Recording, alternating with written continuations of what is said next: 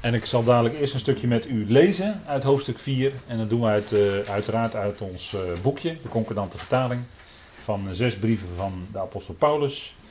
En uh, ja, dat is fantastisch dat dat in boekvorm nu in uw bereik is gekomen. En we gaan het vanavond dan ook van harte openen. En kijken wat daar in gelaten 4 een aantal versen kunnen met elkaar bekijken. En dan zullen we maar zien hoe ver we daarmee komen vanavond. Goed, ik wil eerst graag met u beginnen met gebed.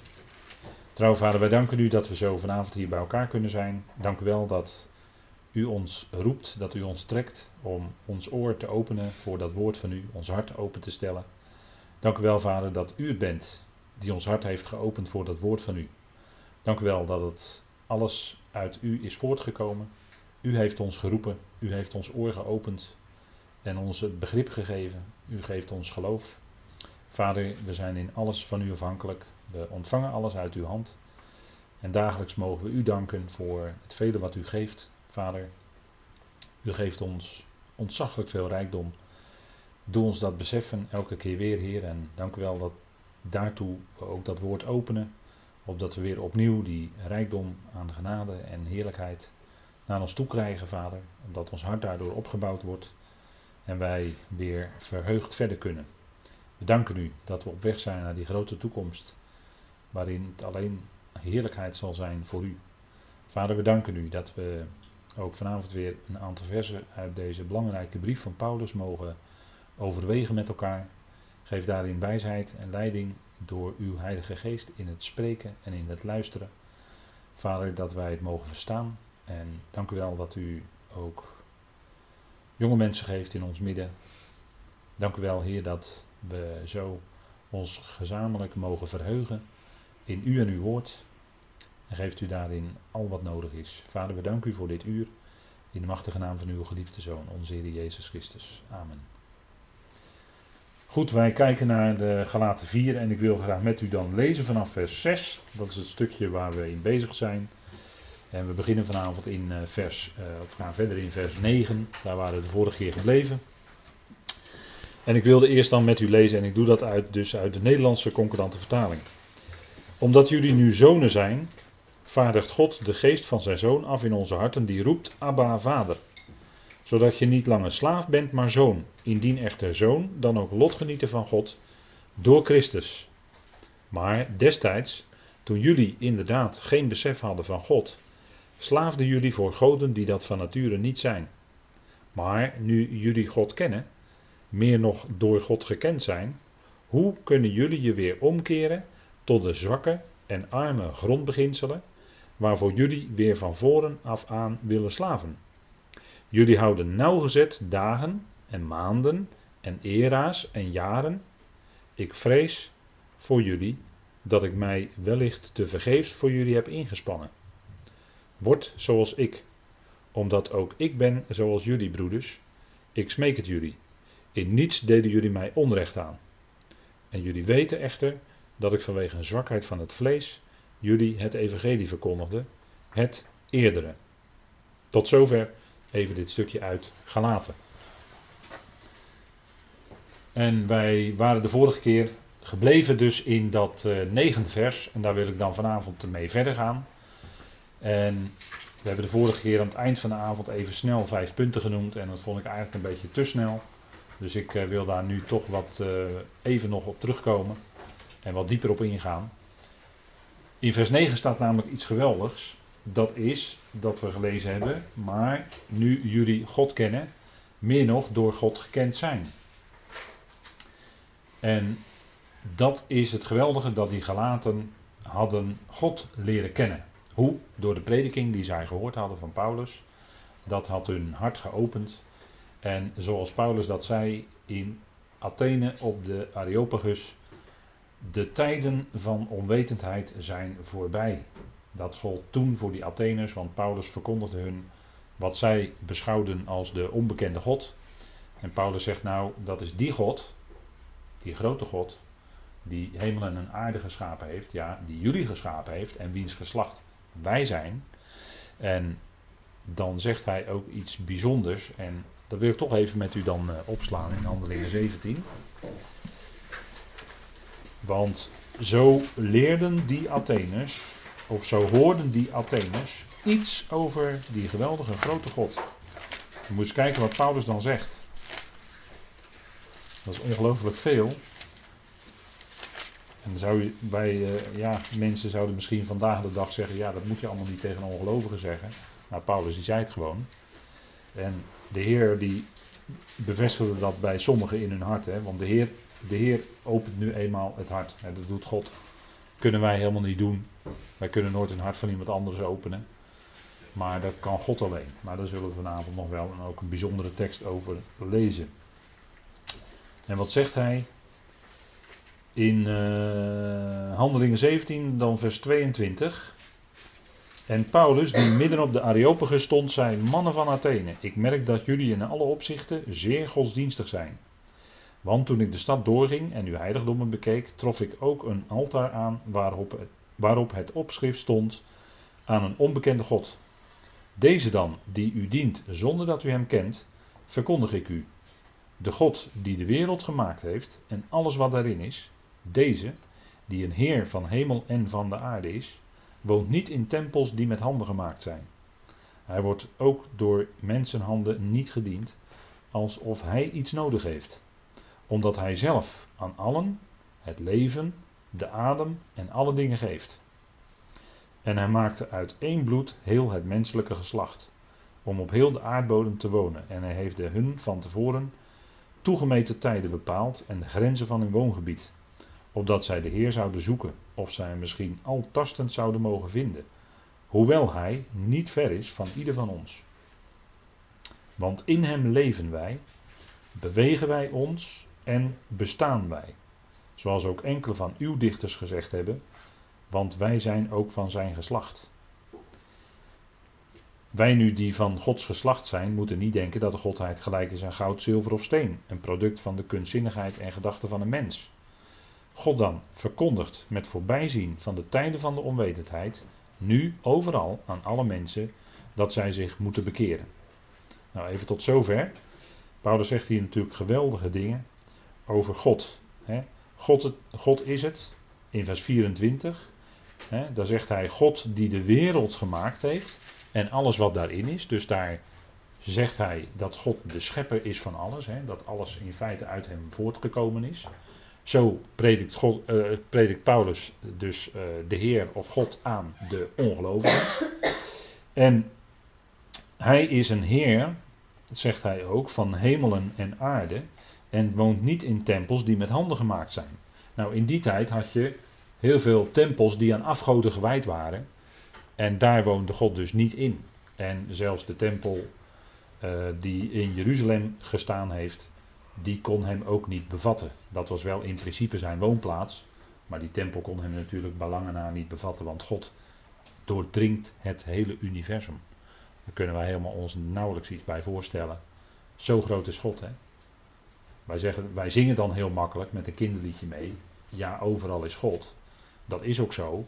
Maar uh, God is niet alleen op aarde hoor. God is veel groter. Hij is overal. Hij, hij doordringt het hele universum met zijn geest. En dat is wat Paulus hier in feite zegt. Zo groot is die God die wij mogen kennen. En dat is het bijzondere. En dan staat er ook in uh, vers 25: Hij wordt ook door mensenhanden niet gediend alsof hij iets nodig heeft. Nou, daar zullen we vanavond ook nog wel wat anders over zien. Als het gaat om het ritueel bij Israël. Uh, God die heeft niet in principe helemaal niets van ons nodig. Nee, in tegendeel. Hij geeft zelf aan allen het leven, de adem en alle dingen. Dus wij hebben alles wat wij hebben en kunnen leven, hebben wij van God gekregen. Ontvangen wij van God, elke dag weer. En elke ademhaling die wij doen zelfs, is van God geschonken. En dat is natuurlijk het uh, bijzondere. Goedenavond.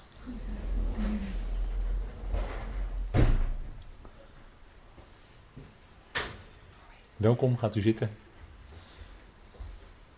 Dus God geeft aan allen het leven, de adem en alle dingen. En uh, ooit was ik enorm onder de indruk van een tekst die in Job staat. En in Job staat dat als God zijn geest zou terugtrekken, dan zou onmiddellijk iedereen sterven. Stel je voor dat God zijn geest terug zou trekken, de levensadem. Dan zou iedereen sterven, de hele mensheid. Alla minuut. Is het gelijk gebeurd. Kijk, zo groot is God. En zo zijn wij afhankelijk van Hem. Zelfs voor elke ademhaling die wij doen. Die is van Hem gegeven. Dat beseffen wij niet, want wij vinden dat allemaal gewoon. Wij leven daar elke dag mee. Wij, wij eh, merken niet dat we ademhalen. Totdat je ademhalingsmoeilijkheden krijgt. Maar dat is allemaal dus van God ontvangen. Besef dat wel. En dan uh, wat wij hebben ontvangen is natuurlijk nog meer uh, de woorden en zijn Heilige Geest in ons. Hè? Een bijzondere toedeling van zijn geest zelfs. Nou, dat is heel bijzonder. En dat maakt ons in feite tot bijzondere mensen, geroepenen door God. Al zo lang van tevoren bepaald. Hè? En dan staat er ook, hij maakt uit één bloede het hele menselijke geslacht. Nou, één bloed, hè? het Hebreeuwse woord is dam, dus dat verwijst hier naar Adam.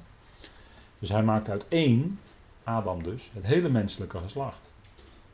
Dus dan zet hij even de dingen op een rij zo voor die Atheners.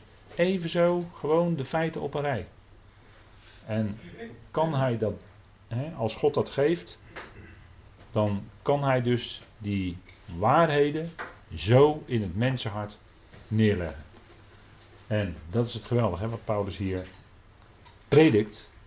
En midden in Athene, dat is dus midden in de wereld van de wijsheid van die dagen. Want de Grieken waren natuurlijk bekend om hun wijsheid. Plato, Aristoteles, Pythagoras en uh, noem ze allemaal maar op. Hè? Ik kan niet zeggen de hele Santekraam, want dan zit ik meer in de Rooms-Katholieke kerk. Maar dat zijn de filosofen hè, van de Grieken.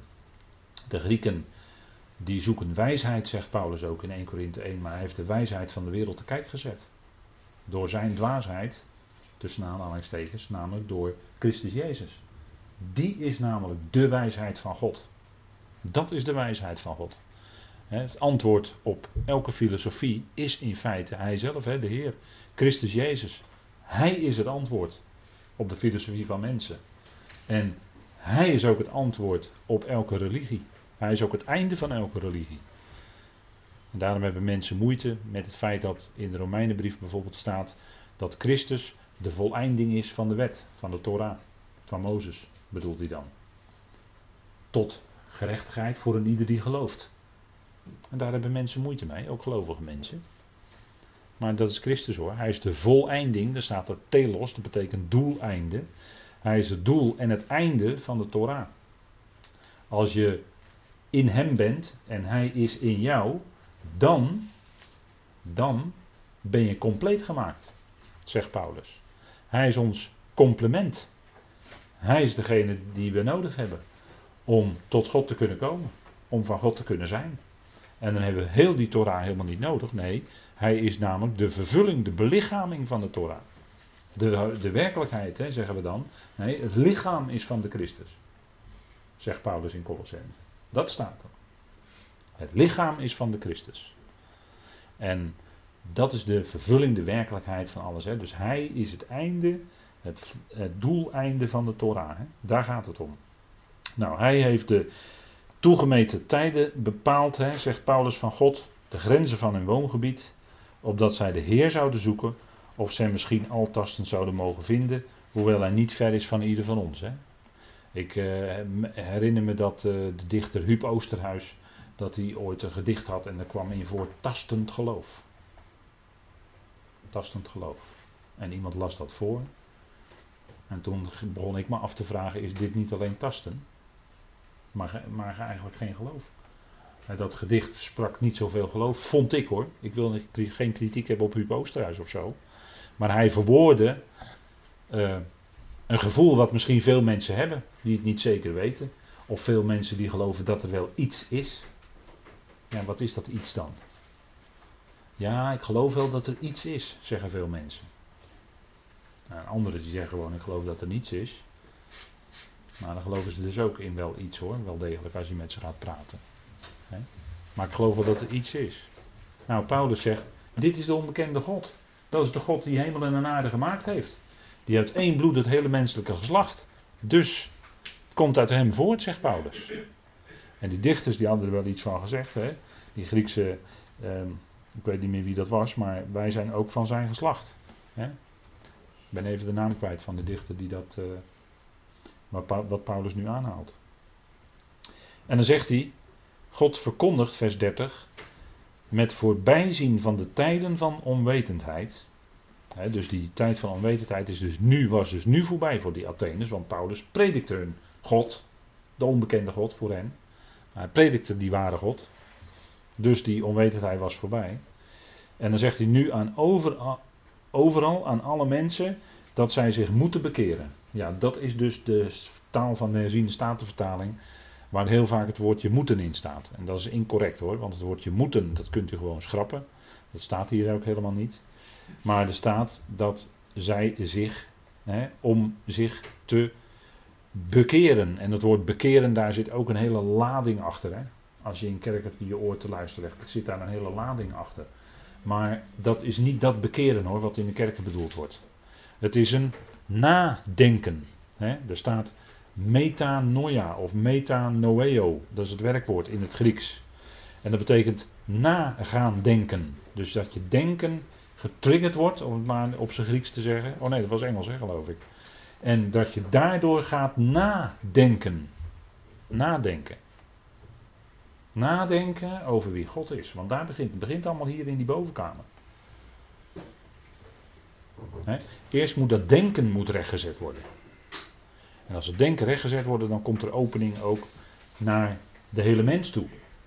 En dan is de Heer best bij machten om het hart te openen zoals hij dat bij Lydia de purperverkoopster deed. Hè?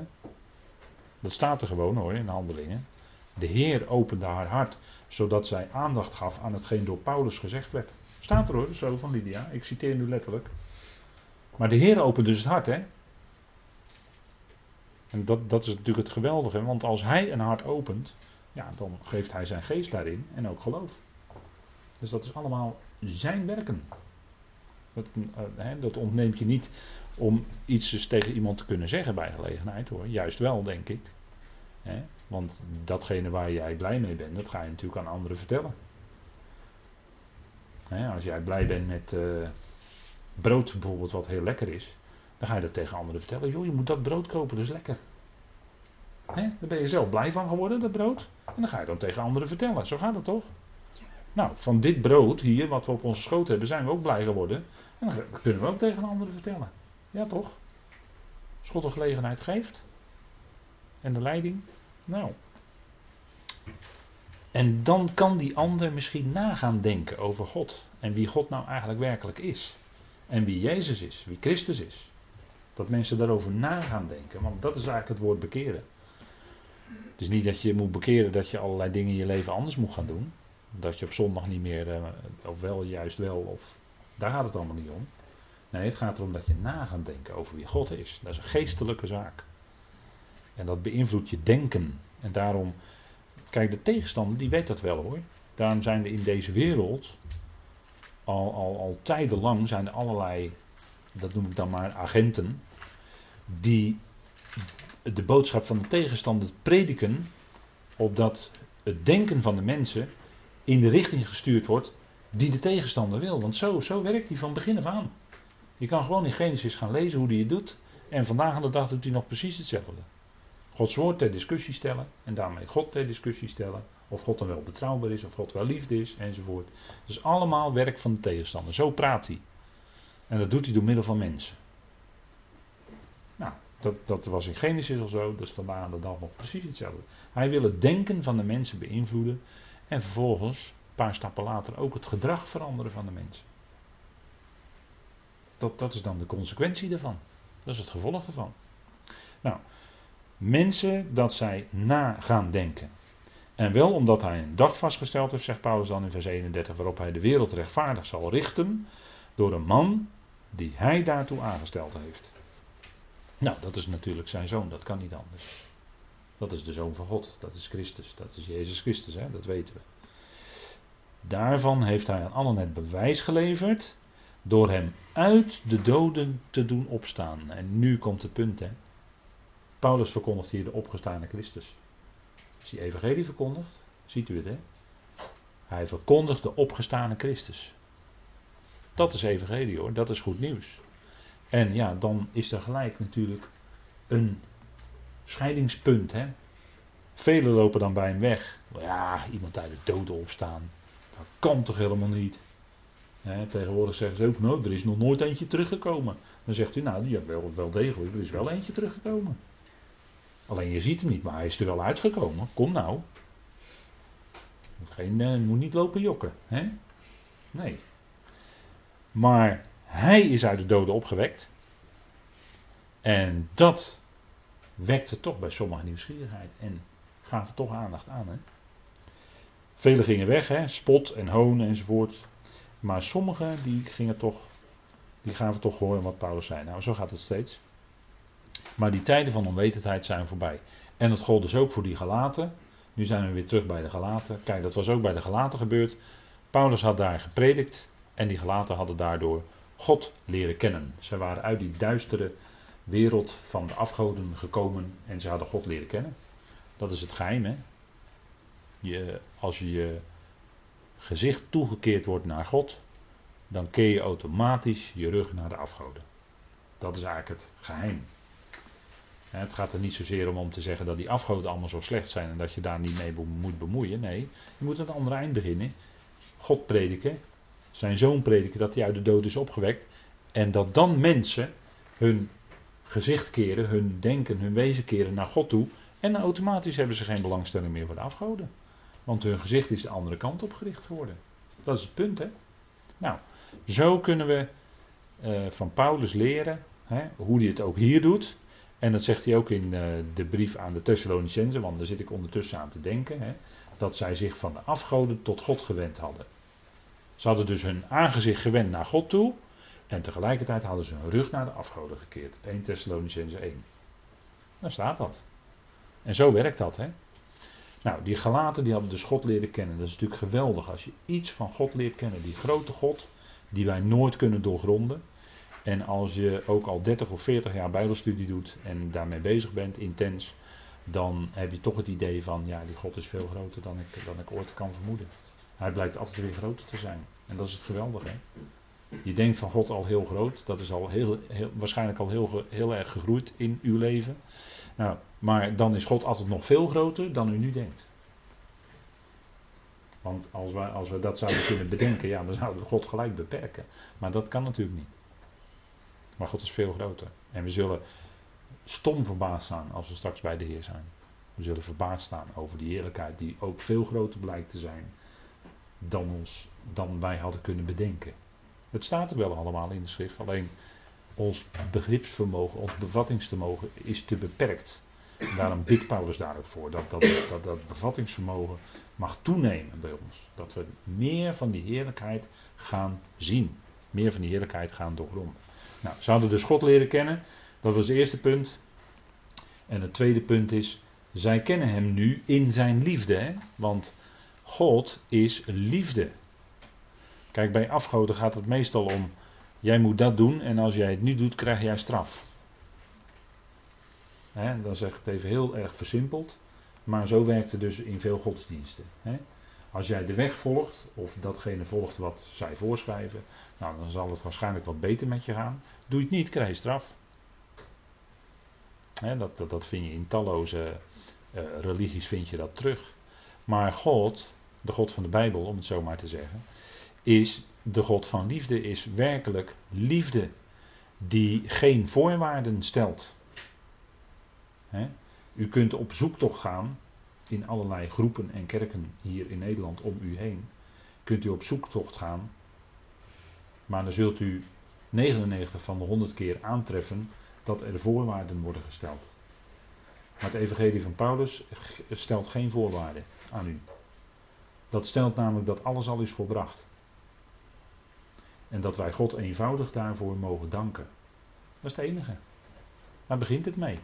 Als je iets van die grote God gaat leren kennen, ja, dan welt er automatisch dank op in je hart. Dan, dan, dan komt er iets van vreugde. En het begint misschien als een heel klein, hè, heel klein beetje vreugde, begint dat. En dat neemt toe. En dan ga je God danken voor de genade die Hij geschonken heeft. Niet datgene wat jij eerst moest verdienen en wat je dan nu krijgt. Nee, je mag Hem danken voor die enorme rijkdom aan genade die Hij ons al gegeven heeft. Wij hoeven niet te bidden om onze vergeving van de zonden of vergeving van de krenkingen. Want Paulus zegt in Efeze 1: Wij hebben de vergeving van de krenkingen. Hoort u het? Wij hebben, dat staat er, de vergeving van de krenkingen. En daar mogen we God voor danken. En, en er zijn veel christenen, in alle oprechtheid, daar gaat het niet om. In alle oprechtheid. Die s'avonds op de knieën gaan en die hun zonde beleiden. En dan geloven zij dat als zij hun zonde beleiden, zoals de Johannes staat, dat God dan getrouw en rechtvaardig is om hun zonde te vergeven en hun te reinigen en dat het bloed van Jezus hen dan reinigt van alle ongerechtigheid. Dat geloven zij op grond van 1 Johannes 1. Dat staat daar ook. Alleen het punt is, bij Paulus gaat het direct het evangelie al veel verder.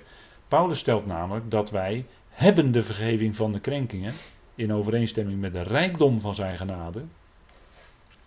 En wij zijn vrijgekocht, en dat is al gedaan doordat hij zijn leven of ziel of bloed gegeven heeft. dat staat in Efeze 1.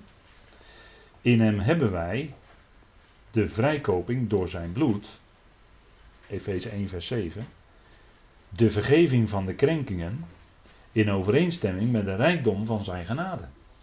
En nu is er helemaal niets op tegen dat als zonde jou dwars zit, om daar met vader over te spreken. Maar daar heb ik het niet over. Daar kun je met vader over spreken. Maar het geweldige is dat wij God mogen danken dat wij in Hem, in Christus, dus hebben de vrijkoping door zijn bloed, de vergeving van de krenkingen. Dat hebben wij. Daar mogen wij God voor danken. En zaken die ons in ons leven dwars zitten, ja, dat, dat zal zijn bedoeling hebben, dat geloof ik. En daar kunnen we met vader over spreken. En dan brengen we het in het licht bij vader. Maar het gaat niet aan om elke avond al te proberen al onze zonden te beleiden, want je vergeet er dan nog een stuk of tien waarschijnlijk, of vijftien van die dag. Begrijpt u? En, en het evangelie van Paulus gaat namelijk in Efeze veel verder dan Johannes. Johannes had ook niet zo ver kunnen zien als Paulus. Bij Johannes gaat het ook niet uh, zozeer om het kruis. Hè. Dat wel bij Paulus gaat het wel om het kruis. Maar bij de besnijdende apostelen niet. Daar lees je niets over het kruis. En de werking, de, de uitwerking van het kruis. Want dat lezen we hier in Efeze 1 bijvoorbeeld. Hè. Wij leven na het kruis en wij ondervinden de effecten, de genade-effecten van het kruis. En dat is wat hier staat. En dat is zo geweldig. En daarom kunnen we God ervoor danken. En zover, zover was Johannes nog lang niet. En dat zijn belangrijke verschillen hoor. En die kun je niet wegredeneren. Dus zij kennen hem nu in zijn liefde. Nou, dat is ongelooflijk hè. God is liefde. En God is almachtig. En dus is hij de redder van alle mensen. Dat is toch simpel? 1 plus 1 is 2. Het is nog veel makkelijker dan wiskunde. God is liefde. En God is almachtig. Dat beleiden wij. En veel gelovigen beleiden dat ook. En nu de conclusie trekken. En dus redt hij alle mensen. Dat is, dat is toch een hele simpele, denk ik. Maar nog simpeler, het staat er ook gewoon, hè? Dat God de redder van alle mensen is. Het staat er gewoon in uw Bijbel. Dan denk ik, ja, wat wil je dan nog meer? Dat is toch heerlijk? Nou, dat is liefde. dat hij iedereen redt. Uiteindelijk zal er niet eentje ontbreken. En zij kennen hem, die Galaten kenden hem, doordat hij Christus opwekte uit de dood. dat is ook wat Paulus daar in Athene sprak. Zij kennen hem doordat hij Christus opwekte uit de doden. Dat is het geweldige wat op de morgen van de 16e Nissan gebeurde. toen werd het echt Pasen, toen werd het echt feest van ongezuurde broden. Kan zo wel een tijdje doorgaan. Maar al die vervulling van al die zaken, dat was in hem.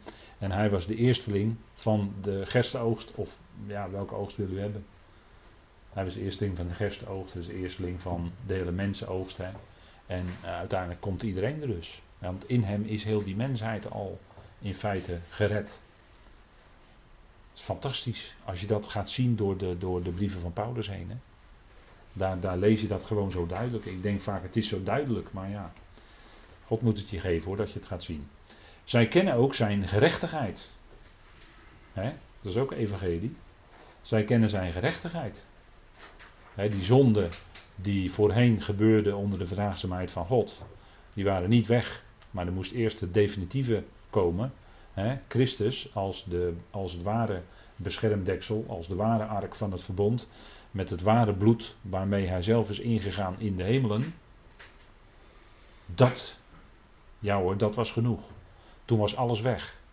En dat was ook een betoning van Gods gerechtigheid in de eerste plaats, hè, zegt de Romeinen. En allen worden gerechtvaardigd door het geloof van Jezus Christus. Allen staat daar ook in Romeinen 3 al. Hè? Staat allen. Hè? Dat is uh, niet alleen Romeinen 5, maar in Romeinen 3 staat het ook hoor. Kunt u gewoon zo lezen in uw Bijbel.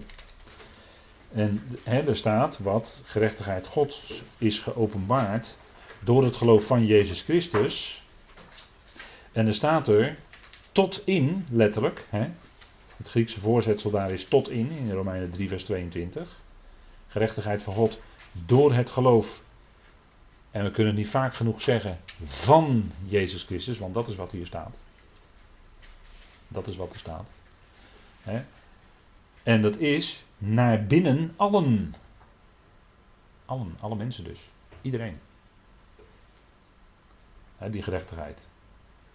En op allen die geloven het komt nu op allen die geloven, maar die gerechtigheid die is naar binnen allen. Dat staat er. Dus alle mensen gered. Geweldig evangelie. 1 Timotheüs 4 vers 10. Hè? God is de redder van alle mensen. Alsjeblieft, wat wil je nou nog meer? Nou, zij kennen zijn gerechtigheid. Hij moest sterven.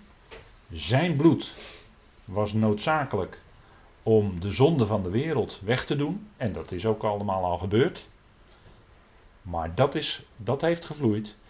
En dat was het definitieve waar alle bloed van de offers van het oude verbond naar verwezen. Die op, het, die op de verzoendeksel en de deksel van bescherming gesprengd werden enzovoort. Dat was allemaal een type, een heenwijzing naar het bloed van de Heer Jezus Christus. Hè? En dat was natuurlijk ook de spits van toen we daarover spraken, hè? een paar weken geleden op zondag. Volgens sommigen was het te lang, maar ja. Zij weten dat God hen kent. Zij weten dat God hen kent. Maar nu jullie God kennen, zegt Paulus in Galaten 4, vers 9. En dan zegt hij, meer nog door God gekend zijn. En dat is fantastisch, hè? Dat is uh, eigenlijk heel pastoraal wat Paulus hier doet. Zij zijn door God gekend. Dat wil dus zeggen, God kende die Galaten, ieder persoonlijk. En zo kent hij u, jou en mij persoonlijk. Met al onze dagen die wij geleefd hebben. Met al datgene wat wij daarin beleefd hebben. Wat wij daarin geleefd hebben. Wat we daarin gedaan hebben. Wat we daarin gedacht hebben. Hij kent ons. Hij weet dat allemaal. De psalmist die zei het natuurlijk al in Psalm 139. Maar hier staat het ook, hè. Wij zijn door God gekend. En dat is zo ongelooflijke troost voor je hart. Dat God jou kent. En hoe kijkt God dan naar je? Nou, dat hebben we toch ook gezien hier in dit rijtje. Zij kennen hem nu in zijn liefde. Dus als God naar jou kijkt, dan ben je door hem gekend en dan heeft hij jou lief. Hoe dan ook. Je bent door hem gekend. En hij ziet jou aan in Christus in liefde. Niet veroordelend hoor. God zit echt niet de hele dag te kijken of je nou iets goed doet of verkeerd doet. Dat is heidens denken. Echt hoor, dat is echt heidens denken. Want dan moet jij weer gaan compenseren voor dat wat jij verkeerd hebt gedaan. En dan, dan zit je gewoon weer bij de, bij de afgoden. Dat is verkeerd denken. Nee, God is liefde. Hij heeft u lief. Hij heeft jou lief, hij heeft mij lief, hij heeft iedereen. Hij houdt van iedereen evenveel, ongeacht wie je bent. Of je neus nou scheef staat of recht. Dat je ene oor iets lager zit dan het andere. Maakt dat nog allemaal uit. Maar je begrijpt wel wat ik bedoel, hè? Nou, dat is het geweldige, hè? God kent ons. En hij kende ons, en ik heb er daar die tekst bij gezet, 2 Timotheüs 1 vers 9. Hij kende ons al van voor de tijdperken. Voor de eonen gingen lopen. Kende hij al, het was ons al genade geschonken in Christus Jezus. Alsjeblieft. En zo hebben we dan toch in een half uurtje tijd heel wat evangelie hier gehad, hè? denk ik. Maar dat is wat je tegenkomt bij het evangelie van Paulus. Daar kom je steeds dat goede nieuws tegen van een God die jou niet veroordeelt, maar die jou lief heeft. Dat kunnen we niet vaak genoeg zeggen. En het is niet de God van de voorwaarden. Maar het is de God van genade. En, en dat is het geweldige. Hij werpt geen voorwaarden op. En daarom kunnen we ook niet prediken met voorwaarden. En we kunnen ook niet prediken met dingen op te leggen op de mensen. Dat is, een, dat is geen prediking van genade als je zaken gaat opleggen aan mensen. Dat is heel makkelijk hoor voor een prediker om dat te doen. En dat gebeurt elke zondag weer. Maar het evangelie van genade legt jou niks op. Het evangelie van genade roept op bij jou als het. Dat, dat is het.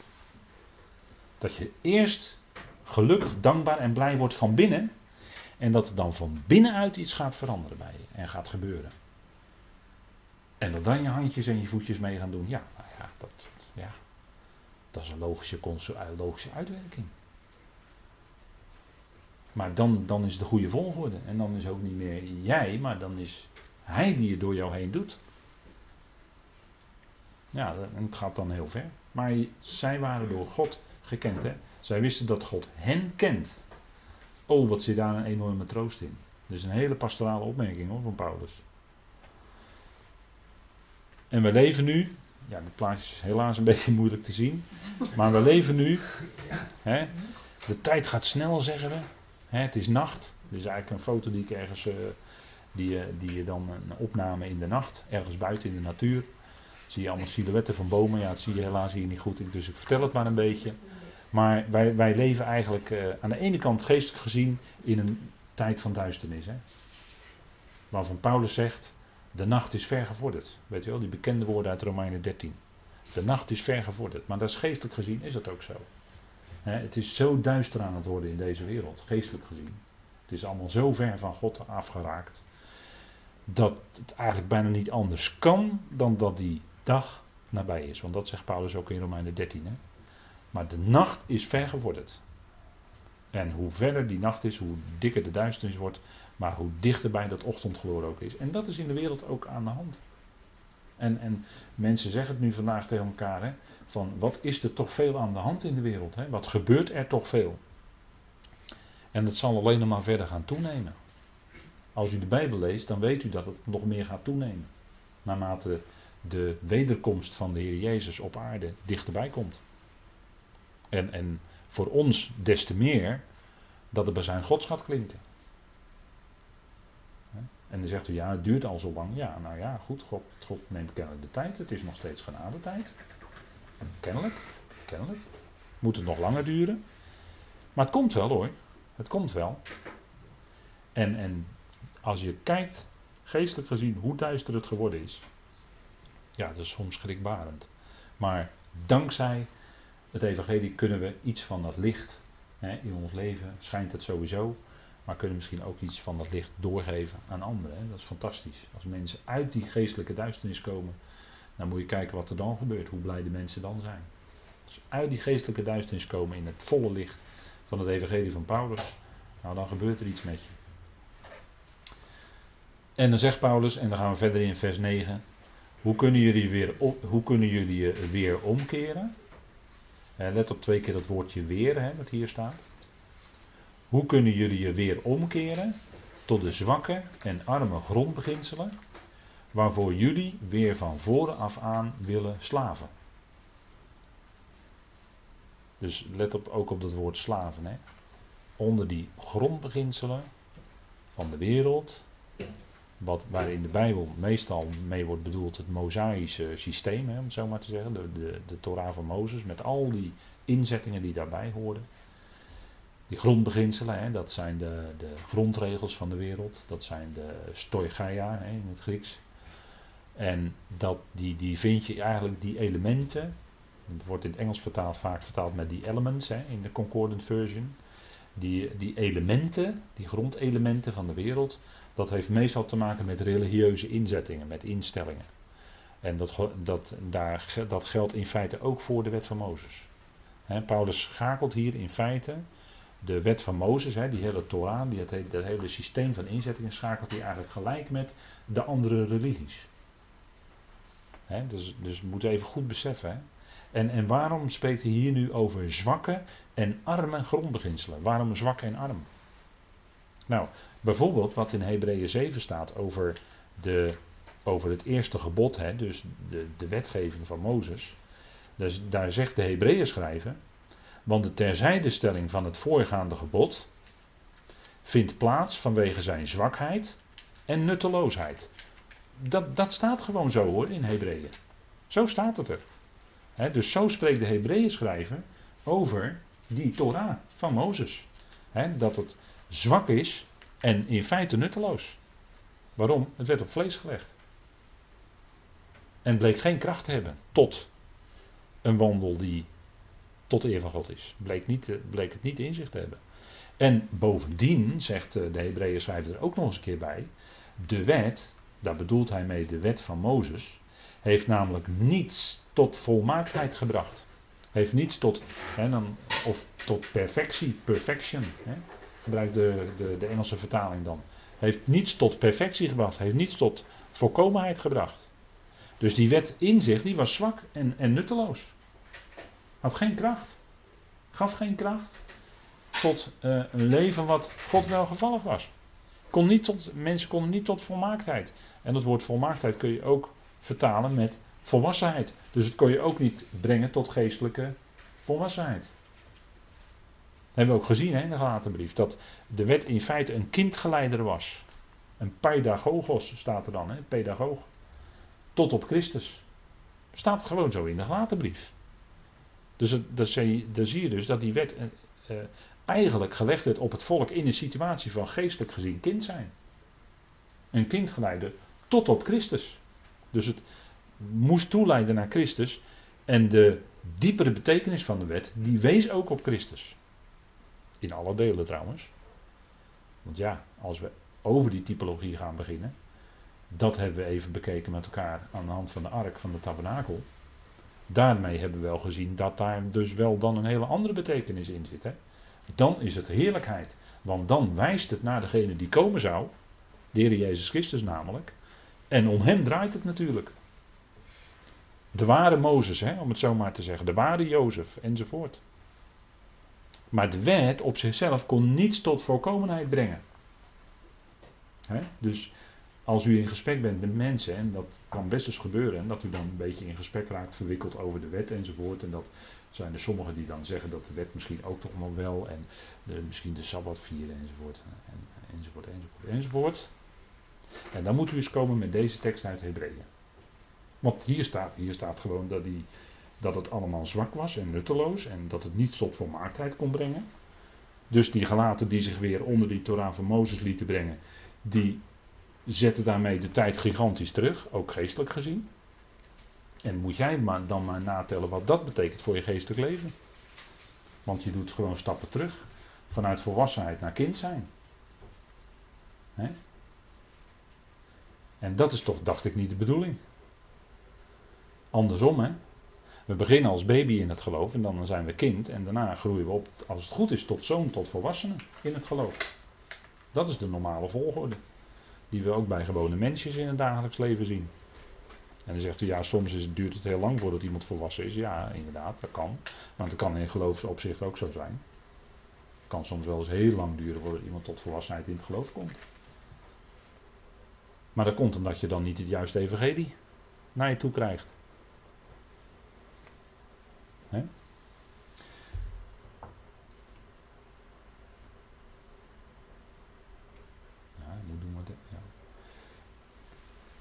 Dan sloeg er eentje over, geloof ik. Hè?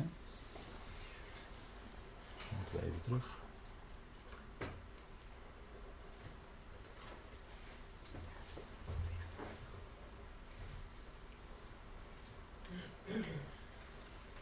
Eens kijken of dat lukt. Goed, en dan zien we dus die, over die grondbeginselen nog even door te gaan. En dan zegt Paulus, hij had al zes versen eerder gezegd, zo waren ook wij, en we hebben toen gezien dat dat wij had te maken met dat het gaat om Paulus en de gelovige Joden, hè, gelovig uit Israël, wij. Toen wij onmondigen waren, ziet u, in een tijd van onmondigheid, van kind zijn dus. Hè, onmondigheid is een tijd van kind zijn. Waren wij onder de grondbeginselen van de wereld tot slaaf gemaakt. Dus dat was hun situatie onder de Torah van Mozes. Hè, waren ze onmondig. En in feite ook onder een soort grondbeginselen van de wereld.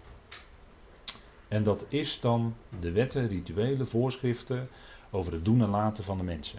dat is een soort van definitie, zou je kunnen zeggen, van die grondbeginselen van de wereld. Als je nou afvraagt, wat is dat dan? Nou, dat zijn wetten, rituelen, voorschriften over het doen en laten van de mensen.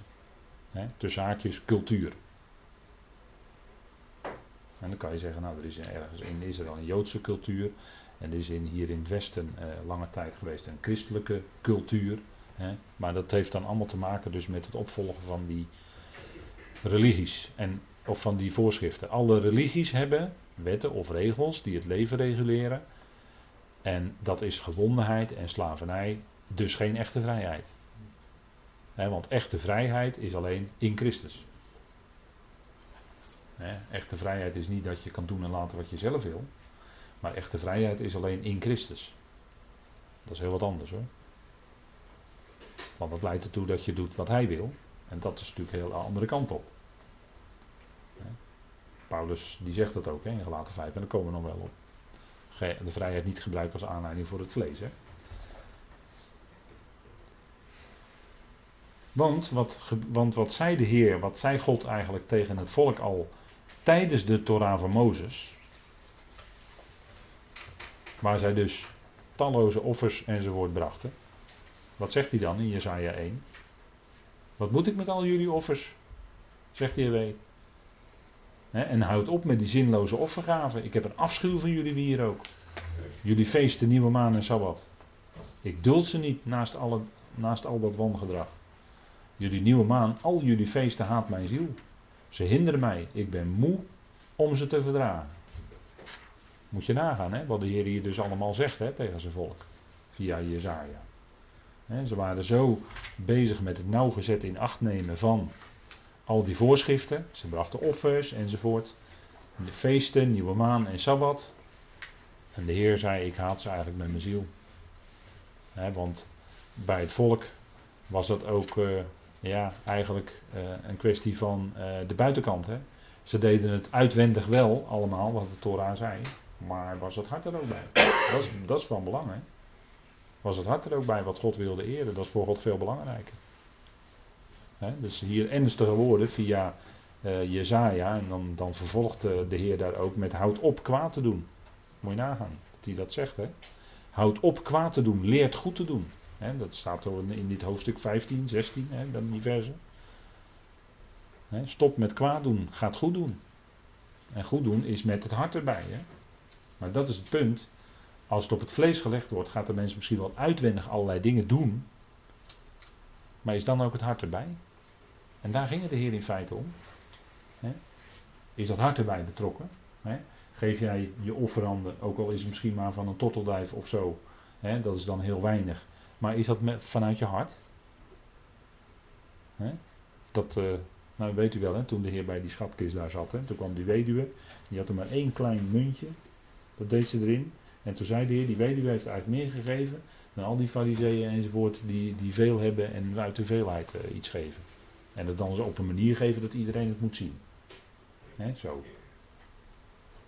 Maar ja, die weduwe zag hij dat hart daarbij. Die gaf haar laatste in de schatkist van de tempel. Nou, daar gaat het om. Kijk, want David die zingt in Psalm 51 het offer voor God, dus dat is eigenlijk het ware offer hè, waar het om gaat voor God, is een gebroken geest. Hè, is niet een hardnekkige, een uh, weerspannige geest, maar is een gebroken geest. Een gebroken en verbrijzeld hart zult u, God, niet verachten. Hè, let op dat twee keer dat gebroken, hè, dus zo staat het ook in het Hebreeuws twee keer. Gebroken. Een gebroken geest, een gebroken hart dat buigt voor God en zijn woord. Hè, en wat eh, ja, als het ware beeft hè, in de goede zin. Niet, niet in angst, maar wat beeft voor God en zijn woord. Hè, dat, hè, daar gaat het om. Een gebroken en verbrijzeld hart. En daar kunnen omstandigheden zijn in ons leven. Uh, waardoor dit ook een feit is. En waardoor je niet anders kan dan met je gebroken hart bij God komen. En je hart voor hem uitstorten. Nou, dat is voor hem wel gevallig. Dat zal God niet verachten. Daarom zeggen we ook van God laat nooit een bidder staan. God laat geen bidder staan. God hoort ieder gebed. En hij verhoort het op zijn tijd en op zijn manier. Hij vervult niet al onze wensen, maar hij vervult wat zijn bedoeling is. En dat is het ware offer, in feite, als contrast tegen de offers die dan wel gebracht werden in Israël, maar het hart was er niet bij.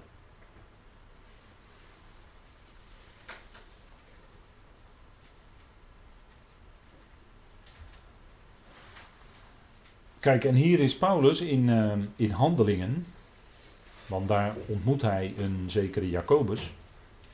Als hij voor het laatst in Jeruzalem komt. Hè. Hier is zijn laatste aanwezigheid in Jeruzalem. En dan uh, ontmoet Paulus uh, Jacobus.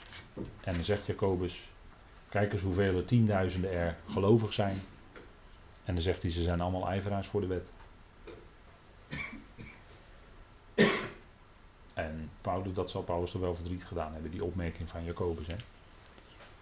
Want daar zat natuurlijk wel wat achter. En dan uh, doet Paulus mee een gelofte. Hè? En dan daarmee laat hij zien dat hij niet, hè? want van hem werd dus beweerd en werd gelasten dat hij zou leren afval van Mozes. Nou, dat, dat leerde Paulus helemaal niet.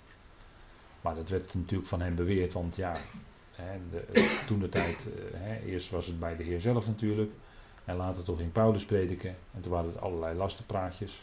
En daar had de Heer last van, daar had Paulus last van. En daarna is er ook nog niet zoveel veranderd eigenlijk. Hè. Maar dan wordt Paulus nog steeds belasterd. Hè, als Paulus gepredikt wordt. Dan worden daar verkeerde dingen van gezegd. Dat gebeurt regelmatig. Hè. En dan wordt, hè, heb je in feite hetzelfde als hier. En dan wil Paulus laten zien van, nee, ik leer niet afval van Mozes. En dan ging het om een bepaalde gelofte. En nou, dan moesten ze zich het hoofd kaal scheren, Nazireër gelofte enzovoort, hè, nummer 6. En dan zegt hij, neem die bij u, neem die bij u, reinig u samen met hen en betaal voor hen de kosten. Zodat ze zich het hoofd kunnen laten scheren en alle kunnen weten dat er niets is van wat hun over u verteld is. dus hier zegt Paulus in feite tegen mensen die zo'n gelofte willen doen, nou betaal het en zodat zij hun gelofte kunnen vervullen. En daarmee laten zien dat daar niets van waar is. En dan gaat die zin verder, want daar gaat het eigenlijk om. Maar dat gij ook zelf meegaat in de onderhouding van de wet. Zo vertaalt de NBG-vertaling het. En dan heb je de herziene statenvertaling. Dus die zin van handelingen 21 vers 24 hier, die gaat verder. Hè? En de herziene statenvertaling die vertaalt dan. Maar dat jullie zo wandelen, dat jullie ook zelf de wet in acht nemen. Dus hij wilde op dat moment laten zien van hij en die anderen die, en die anderen die dan die gelofte op zich namen, dat ze zich ook daaraan hielden. Dat is het punt hier in handeling 21. En dan vertaalt de Statenvertaling het als volgt, maar dat jullie zo wandelen, dat jullie ook zelf de wet onderhouden. En Willy Brod die zegt dan, dus ik laat even vier vertalingen zien van dat ene zinnetje. Maar dat ook jullie, of dat ook jij de wet trouw onderhoudt. En als je dat zinnetje nou wat nauwkeuriger gaat vertalen, en daar gaat het maar eigenlijk om, dan zie je dat ineens weer die grondbeginselen naar voren komen. En dat het dus helemaal is wegvertaald in die vier vertalingen. En eigenlijk staat er dan, dat er niets van is wat over u verteld is, hè, wat hun over u verteld is. Er werden allemaal lastenpraatjes over Paulus er rondgestrooid, alsof hij afval van Mozes zou leren. En om te laten zien dat het niet het geval was, komt, komt hij dus met een groep en daar in Jeruzalem, houdt hij zich aan, wil hij zich aan de gelofte houden. En dan zegt hij, maar ook jullie nemen de grondbeginselen in acht en jullie houden zelf de wet. En dan komen, hè, door het nauwkeurig te vertalen vanuit de grondtekst, dan komen dus ineens die grondbeginselen naar voren. En in één adem zegt Paulus, nemen jullie de grondbeginselen in acht en jullie houden zelf de wet.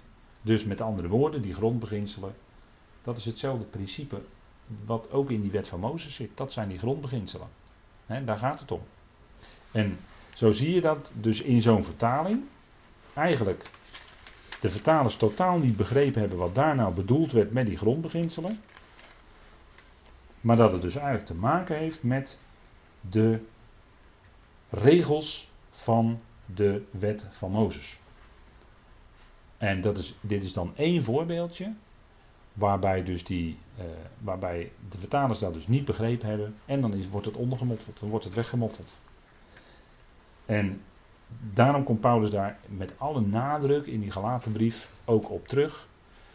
En zegt hij in feite, kijk, die wet van Mozes is in feite hetzelfde principe als die religies van de wereld. Bedenk dat. En dat is eigenlijk, zal het voor veel mensen verbijsterend zijn.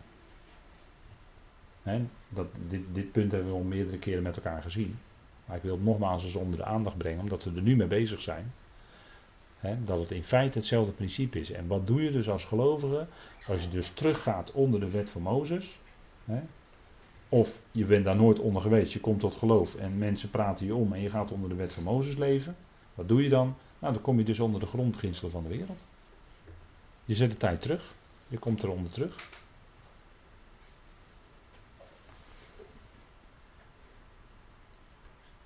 Goed, we gaan even met elkaar pauzeren. Dan gaan we straks verder met het volgende punt.